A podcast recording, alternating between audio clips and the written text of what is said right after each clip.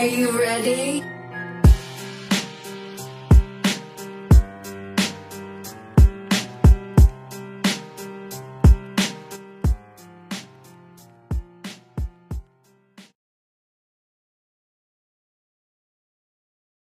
Halo, selamat malam. Balik lagi di podcast ngomongin setan. Masih bareng gue Septian Ahmad dan malam ini gue sendirian. Gue nggak sama Sahrul, gue nggak sama eh, teman-teman gue yang lain karena masih pada WFH. Terus tempat tinggal gue di Tangsel bentar lagi mau memperlakukan PSBB yang di mana Jakarta udah PSBB duluan.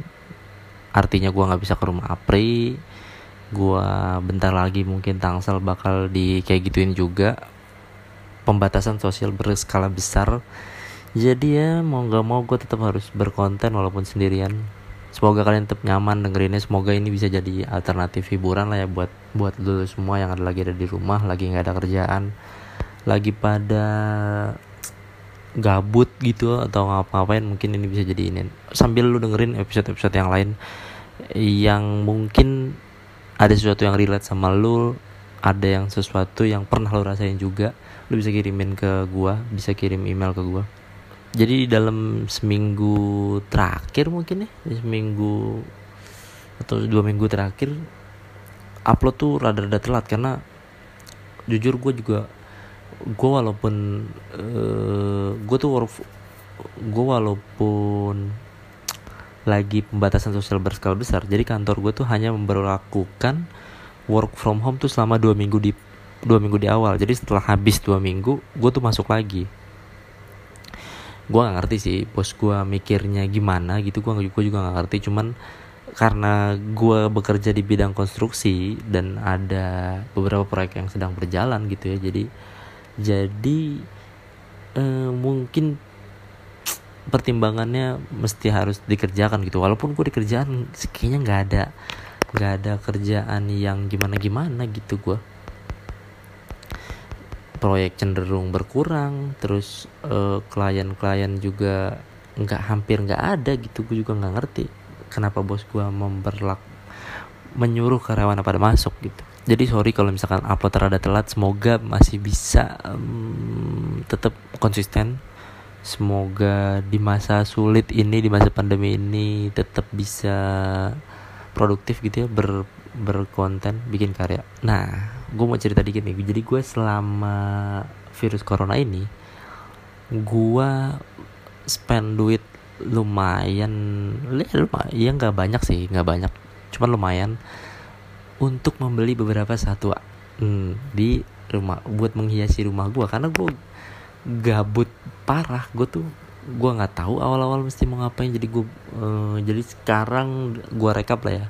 Di rumah gue ada tiga burung hantu uh, mungkin lu mendengarnya sedikit aneh gitu cuman cuman itu yang gue punya sekarang. Terus ada beberapa ikan gue beli ada dua arwana. Arwana yang nggak nggak mahal. Gue sekalian mau belajar sih gimana ngerawat arwana. Gua bikin ala-ala aquascape versi murah tentunya. Gua uh, beli beberapa ikan indukan indukan cupang gitu ya. Ikan cupang sekarang gue lagi coba breeding gue lagi coba ngawinin. Itu segitunya gue segitunya mau mencari kegiatan. Walaupun kegiatan gue yang ada udah lumayan banyak gitu ya. Ini aja podcast telat-telat mulu nguploadnya. Selain satu gue karena nggak ada partner siaran terus emang kerjaan lagi banyak terus ditambah lagi hewan-hewan peliharaan gue nih butuh perhatian juga kan. Jadi ya gitu deh. Eh buat lu semua yang yang mau tanya-tanya atau lu ada pengalaman horor atau misteri bersama hewan peliharaan. Lu lu boleh ceritain juga. Mungkin gue bisa sharing pengalaman gue gitu ya.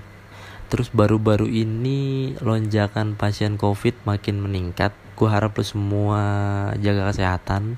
Lu semua e, kalau bisa pakai masker karena kita kita menghindari apa yang keluar dari mulut kita terus menahan apa yang mau masuk ke mulut kita. Jadi diharapkan menggunakan masker alhamdulillahnya sekarang masker udah mulai turun ya udah mulai normal lagi lah harganya.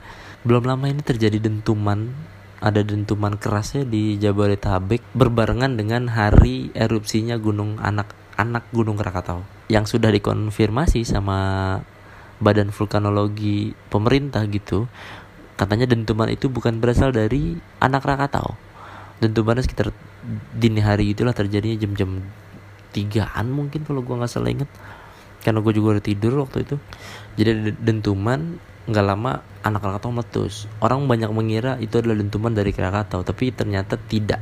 Ternyata dikonfirmasi oleh badan vulkanologi bahwa itu bukan dari anak Krakatau. Jadi gue nggak tahu itu dari mana. Mungkin gejala alam biasa gitu. Mungkin ada apalah gue nggak ngerti ya. Yang jelas tidak terjadi apa-apa alhamdulillah. Uh, semoga tidak ada apa-apa lagi yang mungkin memperparah tahun 2020 karena sudah terlalu chaos kayaknya 2020 diawali dengan banjir beberapa public figure besar gitu legenda meninggal terus sekarang pandemi coronavirus terus puasa kita terancam melalui puasa ini dengan dengan virus gitu. Ya gue gue sih berharap lu semua lu semua bertahan gitu ya. Yakin aja kayaknya tahun ini setelah kita lewatin akan ada kebiasaan-kebiasaan hidup baru gitu dari dari manusia-manusia dari kita kita semua. Yang tadinya malas cuci tangan jadi cuci tangan yang tadinya uh, sering berjemur pagi jadi sering berjemur. Apa yang tadinya nggak pernah berjemur sekarang jadi berjemur. Terus macam-macam kebiasaan baik. Paling enggak suasana polusi di Jakarta gitu atau di Jabodetabek menurun drastis. Terus kebaikan-kebaikan kecil kayak lo uh, mem- mem- berbagi gitu kepada orang yang lebih butuh kepada ojek online kepada tetangga lo yang membutuhkan itu dilanjutin gitu jangan selama pandemi aja.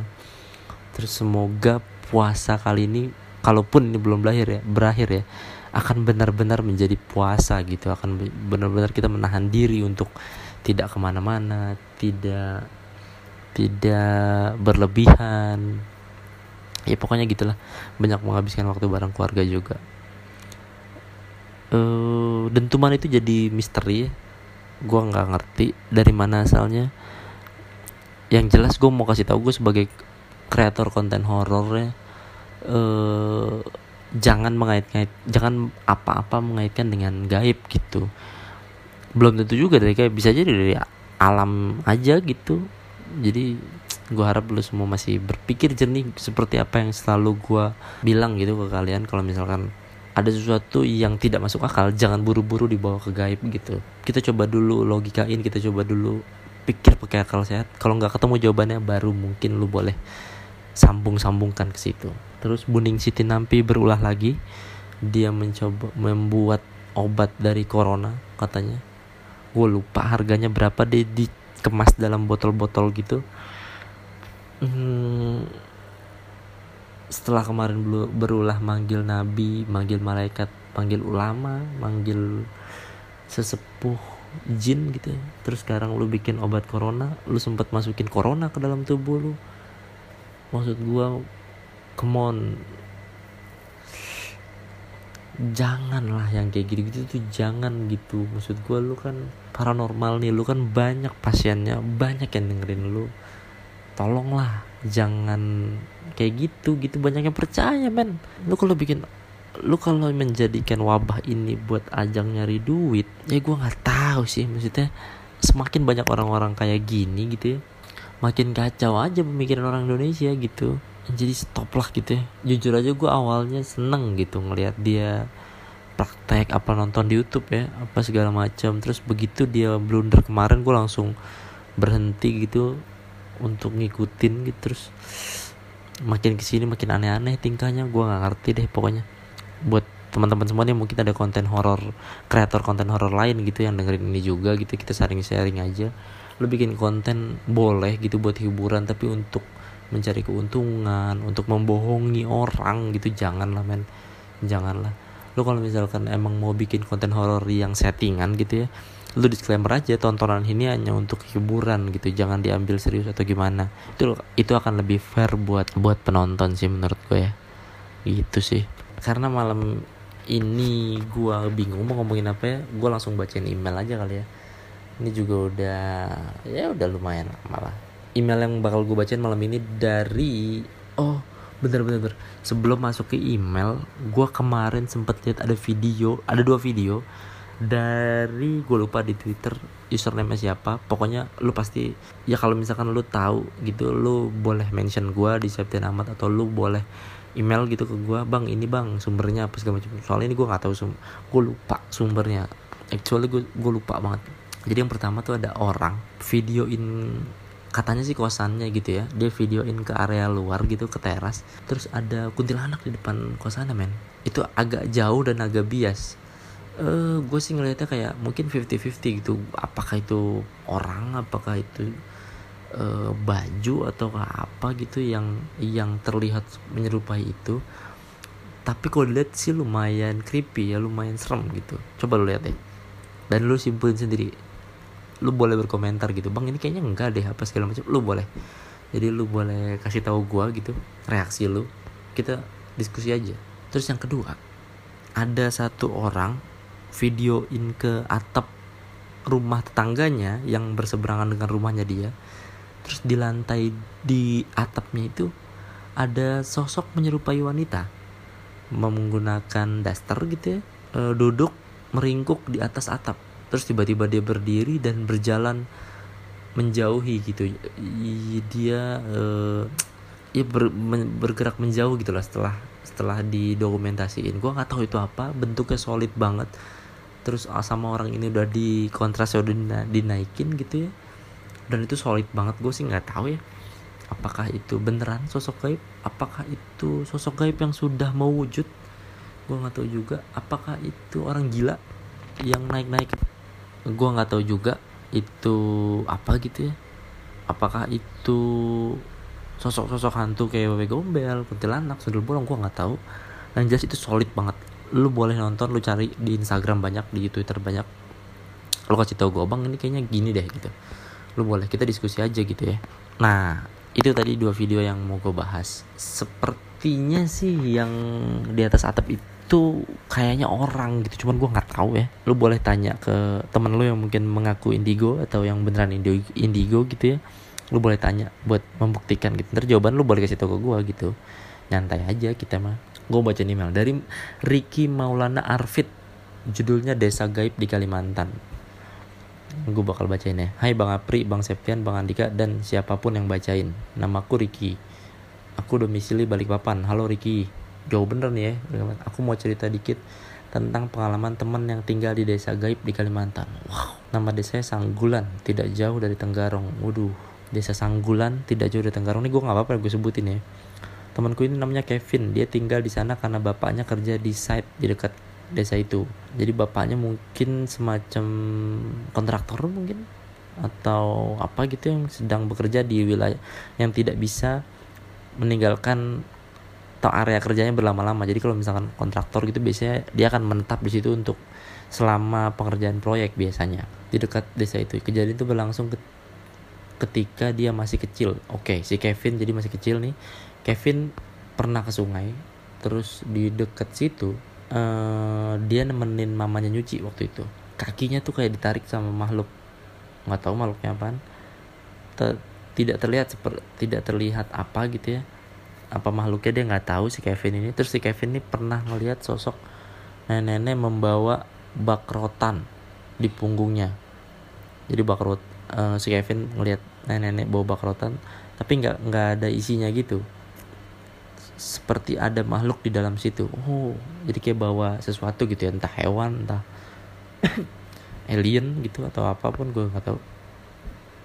Karena bak rotana gerak-gerak saat dibawa di pundak nenek-nenek tersebut. Kevin ini pernah juga saat main-mainan di rumah dia melihat sosok perempuan rambut panjang di bawah kasur dada-dada. Dia wow serem juga nih anjir. Karena dia belum ngerti Kevin ini hanya dada-dada balik ke sosok itu. Waduh kenapa dada balik bos? Yang paling ngeri ini cerita namanya Kevin. Saat kecil dia sering diayun-ayun digantung gitu. Di saat mamanya tidak ke kamar mamanya melihat Kevin ini diayun oleh sosok perempuan yang sebelumnya saya jelaskan. Wow creepy man lalu mamanya Kevin refleks lari keluar rumah. Tidak lama kemudian mamanya masuk kembali untuk membawa Kevin. Tapi sosok itu udah hilang. Awalnya saya nggak percaya tapi ternyata ada teman lain yang punya pengalaman horor di, di desa tersebut. Dan ada juga cerita mengerikan tentang asal mula Kevin. Kalau ini dibacakan next saya akan bakal kirim lagi cerita teman saya yang lain tentang desa tersebut. Oh iya percakapan tersebut aku rekam dan iseng aku upload YouTube. Oh ini ada linknya nih men ada link YouTube-nya. Kasih tahu channelnya aja jangan link kayak gini. Kalau misalkan link kan gue nggak bisa uh, share gitu apa channel lu gitu. Kasih tahu aja di email berikutnya ya kalau misalkan emang mau gue bacain nama channelnya. Sukses selalu buat podcast ngomongin setan. Thank you bro Ricky. Jadi bro Ricky ini nyeritain pengalaman temannya bernama Kevin. Yang pertama si Kevin ini pernah ditarik sama sosok di sungai. Kakinya jadi uh, ngomongin sosok di air gitu ya ada beberapa sosok-sosok yang gue pernah baca gitu. Memang dia tinggal di air dia mencari sesuatu gitu mencari energi dari makhluk lain contohnya dari manusia gitu dengan mempengaruhi gitu kayak narik kayak apalah segala macam. Itu memang bisa. Dan memang terjadi di beberapa tempat. Untuk sosoknya macam-macam. Ada yang berwujud manusia gitu ada yang berwujud siluman yang jelas dia penunggu situ sih. Terus nenek-nenek membawa bak rotan nah ini yang masih agak-agak hmm, gue nggak tahu sih ini neneknya dia kenal apa enggak apa dia cuma sekali lewat apa gimana. Terus bak rotan itu gerak-gerak bisa aja isinya hewan. Bisa aja nenek ini adalah eh, dari sawah terus dapat musang gitu atau apalah atau ayam bebek gitu gue nggak tahu juga. Yang jelas kalau ini masih bisa dilogikain logikain. Terus yang perempuan di bawah kasur. Waduh ini sih serem sih. Di bawah kasur terus dia dada dada maksudnya lu lu lagi di bawah apa gimana nih posisinya? Apa lu nengok ke bawah? Apa gimana? Gue gak ngerti. Mungkin Ricky bisa jelasin bisa ceritain lebih detail. Terus soal hmm, mamanya yang lihat sosok ngayun-ngayun gitu ngayun-ngayun si Kevin di kamarnya itu juga masih tanda tanya besar karena kenapa mamanya lari untuk kabur dan masuk lagi kenapa tidak berusaha panggil bala bantuan sambil jagain si Kevin? Gue juga nggak ngerti deh cerita gimana. Mungkin bisa dijelasin lagi. Tapi itu udah cukup ngeri ya kan? Cerita-cerita kayak gitu. Mungkin lebih detail lagi aja Ricky jadi kalau misalkan teman-teman mau ada yang uh, cek channel YouTube-nya mungkin di episode depan bakal gue kasih tahu nama channelnya. Besok-besok juga Ricky kalau misalkan mau promo channel gitu atau apa buat teman-teman yang punya channel YouTube punya konten horror lain boleh kirimin ke gue juga. Nanti gue bacain aja apa channelnya biar kita nonton bareng-bareng atau kita saling mungkin bisa kolaps gitu. Gue nggak tahu juga. Bisa bisa aja kan. Jadi itu tadi email dari Ricky terima kasih sudah mendengarkan uh, podcast ngomongin catatan sorry kalau misalkan jam tayangnya agak berantakan. Telat tapi pasti eh, gue akan schedule di hari Kamis gitu ya jam 6 terima kasih semuanya buat yang udah dengerin. Jangan lupa di follow di share gitu ke teman-teman lu biar podcast ini jalan terus gitu ya. Sejujurnya podcast sudah berjalan setahun dan belum ada penghasilan dari podcast.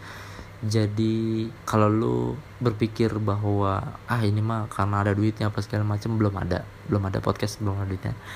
Sponsor yang masuk berupa barang lu boleh kirimin uh, dagangan-dagangan lu ke gua. Nanti gua uh, kasih statistik podcast gua berapa yang dengar per hari apa segala macam dan kalau misalkan bisa ngebantu jualan lu kirim aja nanti kan gua promoin. Oke? Okay? uh, jangan lupa di follow instagram gue juga. Terus di instagramnya Apri. Uh, sampai jumpa di episode berikutnya. Dadah